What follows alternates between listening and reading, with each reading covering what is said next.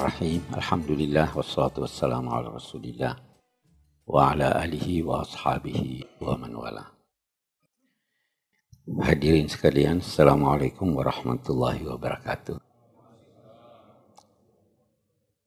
Malam ini kita masih akan melanjutkan pembicaraan kita pada pertemuan yang lalu tentang kepercayaan menyangkut hari kemudian. Uh, kita wajib percaya dengan al-yaumil akhir. Itu kan hari akhir. Saya pernah ditanya orang, Pak Kures, ini katanya itu hari kemudian nanti, nanti kita bicara prosesnya. Itu hari kemudian nanti ini alam raya hancur. Iya bumi hancur, matahari hancur. Sayang Pak Kures. Masa begini indah? Ada tuh, ada ulama berkata, sebenarnya yang hancur itu cuma bumi. Itu Fatur Rahman. Gurunya almarhum Pak Nur Khalis Majid. Dia bilang itu tidak. Itu cuma bumi. Saya jawab, buat Tuhan alam raya ini kecil. Sama dengan milioner yang hancurkan gubuk untuk bangun rumah. Coba kalau orang miskin, sayangnya itu rumah masih bagus-bagus dihancurkan. Iya. Tapi yang milioner ini, oh itu tidak ada artinya hancurkan. Saya mau bangun sesuatu yang jauh lebih bagus dari ini. Begitu Tuhan, dihancurkan semuanya. Itu di dalam hadis Nabi ada dikatakan, seandainya dunia ini punya nilai di sisi Tuhan, dia tidak akan berikan seorang kafir seteguk air pun. Tapi ini dunia tidak ada artinya. Oke, kita kembali. Kita bertanya, ya Allah, kenapa kamu ini membangkitkan lagi orang-orang itu? Ya kan? Itu apa? Kita baca lagi di Quran. La ta'tina sa'ah Orang-orang musyrik itu berkata, oh itu kiamat tidak ada. Salah satu nama kiamat as-sa'ah. La ta'tina sa'ah. Qul, wahai Muhammad, sampaikan pada mereka. Dia akan datang. Bukan hanya pada kamu, pada semua. La ta'tiyannakum. Alimul ghaibi. Ya kan? Disebut lagi, dia maha mengetahui yang gaib. La ya'zubu anhu mithqalu zarrah. Se -se Sebesar zarrah pun tidak ada yang luput dari Allah. Tujuannya apa ya Allah? Kamu menciptakan orang bangkit lagi setelah kematiannya. Dijawab oleh Tuhan supaya Allah memberi balasan untuk orang-orang yang baik dan memberi balasan juga buat orang-orang yang jahat. Nah, kita berhenti lagi di sini. Di dunia ini, apa balasan dan ganjaran itu sudah sempurna? Belum, belum sempurna. Masih ada orang baik masuk penjara, Pak ya? Banyak. Masih ada orang jahat bebas di dunia ini keadilan mutlak tidak ada. Ya kan? Padahal manusia mendambakan keadilan. Bahkan kalau perlu lebih dari keadilan. Kita mau adil. Itu paling tidak dambaan kita. Mau adil. Orang jahat pun mau adil. Kalau bisa lebih dari adil. Ya kan? Karena di dunia tidak ada maka perlu ada hari di mana keadilan mutlak itu tercapai. Wa may ya'mal mithqala dzarratin khairan yara wa may ya'mal mithqala dzarratin syarran yara. Itu di dunia ndak bisa. Jadi perlu ada. Harus ada itu.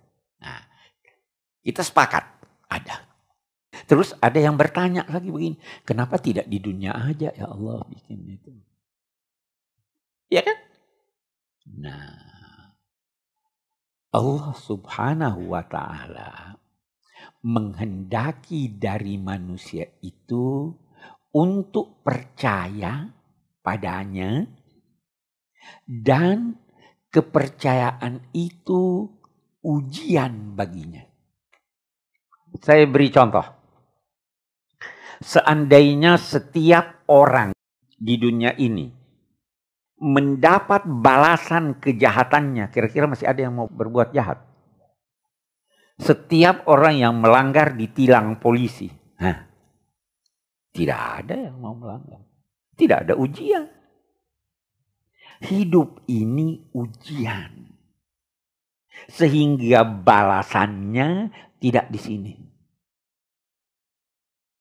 Jadi ada hari lain yang disiapkan Allah untuk memberi balasan, memberi ganjaran kepada setiap orang sekecil apa pun. Jadi perlu percaya ada hari kemudian. Apalagi seperti tadi itu mewarnai hidup Anda.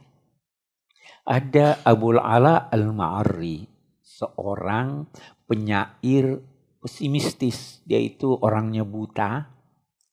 Uh, dia ada buat buku menyangkut keadaan dia nanti di hari kemudian itu bagaimana. Oh itu uh, sangat menarik.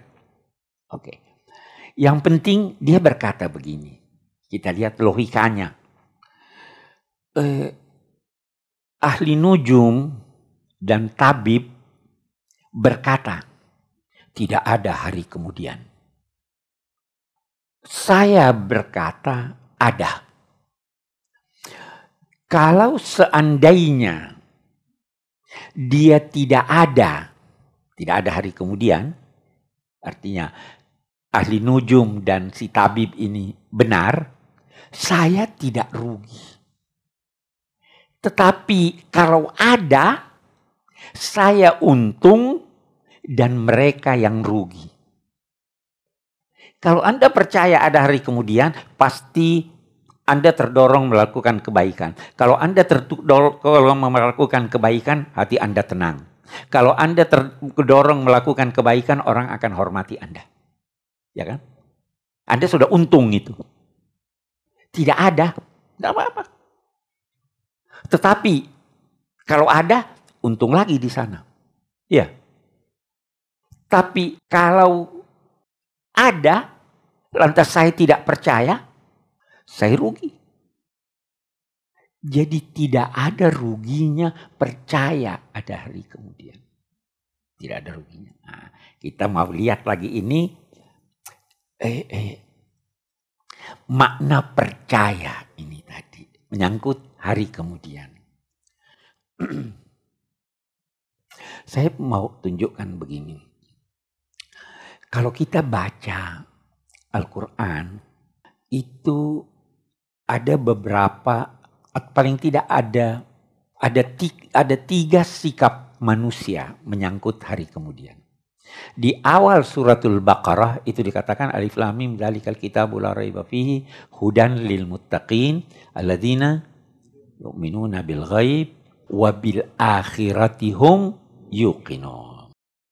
Akhirat yakin. Ini satu nih. Ada lagi penghuni sorga. Kita baca di surat Al-Haqqah, itu dia katakan begini. Wa amma man utiya kitabahu biyamini fayaqulu ha ummiqra'u kitabiyah inni zanantu anni mulaqin hisab. Adapun orang-orang di hari kemudian yang diserahkan kitab amalannya dengan tangan kanannya dia menerimanya, maka dia dengan penuh kegembiraan menyodorkan itu rapornya dan berkata, coba lihat saya punya buku rapor nih. B semuanya, tidak usah A. Ya. B semuanya. Gembira. Kenapa B semuanya? Dia jawab, Inni zanantu anni mulaqin hisabiyah. Zon itu artinya dugaan yang keras. Kita ada menolak, ragu, menduga, percaya, di atas percaya ada yakin. Orang yang tingkat tinggi Al-muttaqun itu bil akhiratihum yuqinun. Yakin itu adalah kemantapan hati menyangkut sesuatu yang sebelumnya diliputi oleh keraguan. Jadi saya tidak bisa berkata Tuhan yakin. Allah tidak yakin. Kenapa? Karena tidak pernah apa yang diketahuinya didahului oleh keraguan. Allah mengetahui. Oke. Okay? Orang yang yakin itu sudah mantap, tidak ragu lagi padahal sebelumnya dia ragu. Nabi Ibrahim pada mulanya tidak yakin. Itu kan dia bertanya, Rabbi arini kaifa tuhyil mauta. Ya Allah, tunjukkan kepadaku bagaimana engkau menghidupkan yang mati. Allah tanya, awalam tu'min. Apa kamu belum percaya? Dia katakan, bala. Walakin liyatma'inna qalbi. Saya sudah percaya, tapi hati saya masih ada keraguan. Belum. Saya mau supaya hati saya tenang. Nah, di ayat lain, kadalika nuri Ibrahim Kenapa? Liyakuna minal mukinin. Begitulah kami tunjukkan kepada Nabi Ibrahim tanda-tanda kebesaran kami supaya apa? Bukan supaya dia percaya, supaya dia yakin. Sayyidina Ali berkata, "Lau kushifal ghita mazdattu yaqina." Kalau terbuka ini tabir gaib, tidak tambah lagi keyakinan saya. Beliau sudah sampai di puncak. Kita percaya deh, Pasti ada keraguan. Ini tadi orang yang masuk sorga ini sikapnya terhadap hari kemudian itu bukan yakin tetapi zon. Zon itu artinya menduga keras. Kalau Anda menduga keras itu sudah yakin atau belum? Belum.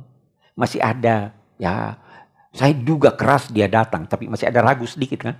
Ah, itulah. Sampai di situ udah cukup. Kita tuh eh, tutup pintu di malam hari karena kita curiga jangan sampai ada pencuri masuk. Ya. Kalau Anda duga keras ada pencuri masuk. Bukan cuma kunci, pasang palang pintu. Ya kan? Baru duga keras itu. Kalau yakin tidak ada, Anda buka pintu. Ya kan? Jadi ini zanantu anni mulakin hisabia. Dia masuk sorga katanya karena dulu waktu saya di dunia saya menduga keras bahwa saya akan bertemu dengan balasan dari Allah. Itu oke. Okay. Uh, eh, ada yang tidak percaya sama sekali. Ada yang ragu. Kalau ragu, tetapi dari saat ke saat uh, uh, mencapai tingkat di atas ragu sedikit sudah selamat. 55 persen insya Allah selamat.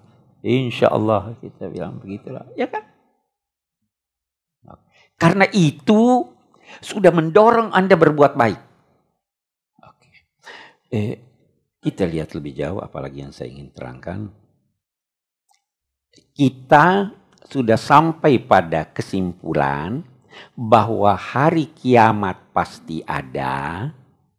Hari kiamat itu tujuannya memberi balasan kepada orang yang eh, berbuat kebaikan atau keburukan dan di situ keadilan sempurna tercapai. Bahkan, nah kita lihat, saya tadi berkata begini, kita mendambakan keadilan, ya kan? Semua mendambakan. Sebenarnya keadilan itu minimal. Minimal itu. Mau lihat contohnya. Saudara mau agar Tuhan memperlakukan Anda secara adil atau tidak? Mau enggak? Saya harap tidak. Lebih dari adil. Karena kalau adil, waduh, itu sebabnya ada doa, ya Allah jangan perlakukan kami berdasar keadilanmu. Perlakukan kami berdasar rahmatmu. Iya kan? Jadi minimal itu adil. Saya pernah berkata begini, itu eh, suami atau istri mendambakan bukan keadilan dari istrinya atau pasangannya, dia dambakan cinta. Adil itu menuntut semua hak Anda dan memberi semua kewajiban Anda. Itu adil. Tapi cinta itu memberi lebih banyak dari yang mesti Anda beri dan menuntut lebih sedikit dari yang mesti Anda tuntut. Terhadap musuh kita harus adil. Ya kan? Jadi terhadap yang dicintai pasti lebih dari adil harapan kita. Oke, kita kembali. Ada ulama berdasar sabda Nabi. Man mata faqad qamat qiyamatuhu. Siapa yang meninggal dunia, maka kiamatnya sudah terjadi padanya. Kiamatnya dia. Itu sebabnya itu dinamai kiamat kecil. Kita manusia ini bisa diibaratkan dengan alam raya ini. Bahkan ada itu ungkapan, apa kamu kira kamu itu hanya sosok yang kecil? Tidak, dalam dirimu tersimpul seluruh alam ini. Kita lihat sekeliling kita aja dulu. Ada eh, langit, ada bintang, ada matahari, ya kan? Ada rumput, ada pohon. Itu kita lihat semuanya. Oke. Kita manusia, langit kita itu kepala kita. Matahari kita hati kita. Saya pernah eh, di sini berkata, jangan biarkan matahari Anda gerhana tapi kalau sesekali gerhana, bisa ditoleransi. Mata hati seseorang itu harus mengakui keesaan Allah. Jangan sampai dia padam. Jangan sampai dia gerhana. Kalau sesekali terlewat itu tadi zon. Ya kan? Hati matahari kita. Rambut ini rumput. Bintang-bintang itu adalah potensi kita. Hasil semua begitu. Kalau orang mati, kepalanya tidak berfungsi lagi. Hatinya udah tidak merasa lagi. Anggota tubuhnya sudah hancur. Itu kiamat kecil. Kalau kiamat besar apa yang terjadi? Langit runtuh. Matahari pudar. Gunung-gunung hancur jadi kiamat kecil terjadi untuk orang per orang pada saat kematiannya. Dan itu nyambung. Begitu dia mati, udah nyambung. Ada proses sampai kiamat besar. Begitu kiamat besar, itu ceritanya dalam Al-Quran luar biasa banyaknya. Banyak sekali. Iza syamsu kuwirat wa iza nujumun kadarat. Ya kan? Eh, eh, wa humilatil ardu wal jibalu fadukkata dakkata wahida. Bumi, gunung-gunung diangkat baru dihancurkan begini. Dan seterusnya. Kalau kiamat datang, semua lumpuh. Itu sebabnya kata seorang ulama, tidak ada yang tahu kapan datangnya kiamat. Kematian pun tidak ada yang tahu sebenarnya kapan datangnya kematian. Ada yang orang Anda kira dia masih segar bugar, dia mati. Ada yang Anda tunggu dia sudah mati, eh belum mati-mati juga. Ya kan? Ada orang yang mau bunuh diri, tidak mati. Itu kecil. Kalau kiamat besar, sama sekali tidak ada yang tahu. Allah bahkan menyatakan, akadu ukhfiha saya hampir-hampir saja menyembunyikannya terhadap diri saya. Saya mau beri contoh ini, bagaimana itu. Ada satu orang punya harta sangat berharga. Dia takut ada yang ambil. Dia sembunyikan atau tidak? Dia sembunyikan. Dia sembunyikan yang di tempat yang tidak bisa diduga. Iya begitu ya. Nah, Bisa-bisa dia lupa ndak itu di mana dia taruh. Allah berkata begitu. Tidak ada yang tahu. Saya saja hampir lupa. Karena saya menyembunyikannya. Jadi itu sebabnya saya berkata kalau ada orang berkata oh ini kiamat tanggal sekian ini tanggal sekian. Itu enggak benar itu. Enggak ada yang tahu. Yas'alunaka ka'annaka hafiyun anha. Bagus itu ayat. Mereka itu kaum musyrik waktu dikatakan, "Hei, ini eh, kamu berkata ada kiamat. Kalau begitu, kapan dia? Ayo beritahu kami kapan dia." Ayat itu turun, Ka'annaka hafiyun anha. Mereka itu bertanya kepada kamu kapan kiamat. Seakan-akan kamu sering bertanya kepada kami kapan kiamat. Padahal kamu tidak pernah bertanya pada kami kapan kiamat. Kenapa tidak pernah bertanya? Yang pertama, karena Allah sudah menyatakan tidak ada yang saya beritahu. Ya kan? Yang kedua, tidak perlu tanya kapan waktunya. Yang perlu apa yang Anda siapkan untuk itu? Itu persoalannya di situ. Tidak usah tanya kapan mati itu sudah pasti datang. Ya, satu orang sahabat Nabi pernah bertanya pada Nabi, "Mata sah, kapan kiamat?" Nabi menjawab, "Wa madza a'adattalah?" Apa yang kamu siapkan untuk itu? Coba lihat. Pertanyaannya, apa yang engkau siapkan untuk itu? Jawabannya lebih indah Tahu apa dia jawab? Ah ini iktisad fil i'tiqad. Dia jawab begini. Ma a'adattu laha kasrata salatin wala siyam. Walakin a'adattu laha hubballahi wa rasulih. Saya tidak siapkan untuk kiamat itu banyak salat dan puasa. Yang saya siapkan adalah cinta pada Allah dan Rasulnya. Itu Tidak usah banyak sholat, tidak usah banyak puasa tapi cinta berusaha sekuat kemampuan mengikuti Rasulullah. Saya menyimpang sedikit. Agama Islam ini sangat sederhana. Sangat sederhana. Bagus kalau Anda bisa lakukan kebaikan, segala macam kebaikan. Tetapi Nabi itu secara umum mengantar orang kepada kesederhanaan. Banyak hadis yang senada dengan ini. Apa katanya? Misalnya, ada satu orang datang pada Rasulullah. Wahai Muhammad, betul kamu diutus Tuhan? Dia bilang, betul saya utusan Tuhan.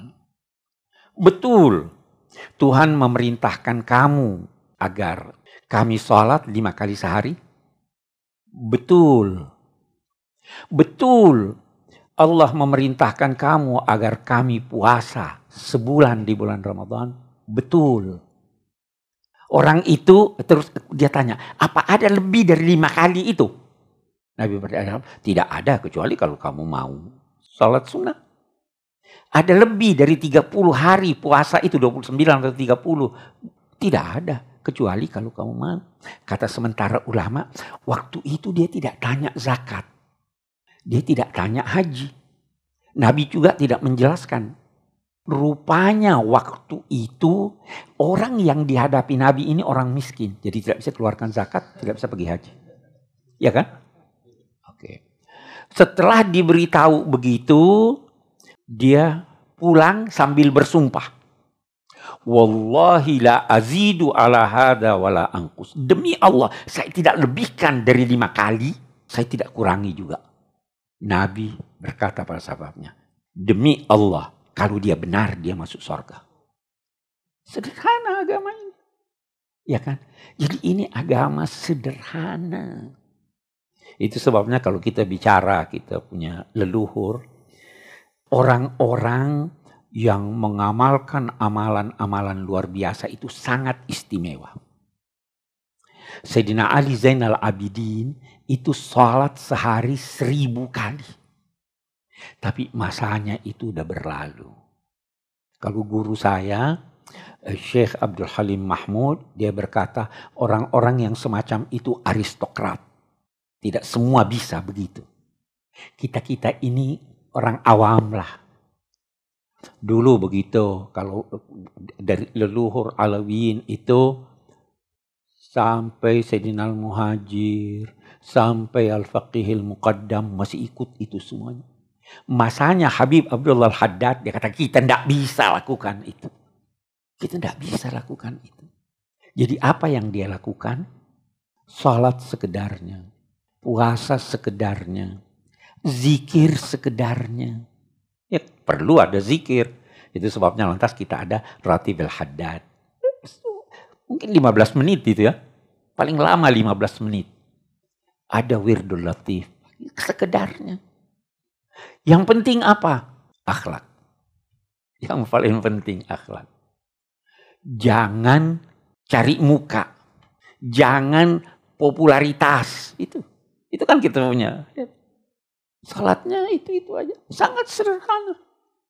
Tidak ada itu dianjurkan baca seribu kali kulhu dan lain-lain sebagainya. Akhlak yang baik. Eh, jadi kita kembali berkata, tidak usah tanya kapan. Tidak usah cari tahu kapan. Cukup tahu bahwa dia pasti terjadi dan dengan mudah terjadi. Mau lihat contohnya? Mudah. Bayangkan aja satu eh, meteor tabrak bumi, bisa-bisa setengah bumi udah hancur. Itu beredar terus tuh. Sistem hancur. Sistem tidak berlaku lagi. Jadi logika kita itu bisa membenarkan bahwa ini apalagi itu Pak Ana Pak Allahyarham Pak Baikuni itu pernah menjelaskan dia bilang ini alam raya mengembang. Ya toh? itu nanti seperti balon mengembang, bisa meledak, atau dia bisa menciut lagi. Ilmuwan berkata begitu. Jadi tidak mustahil sama sekali ada kiamat. Dan kalaupun seandainya tidak ada, tidak rugi percaya bahwa ada hari kemudian.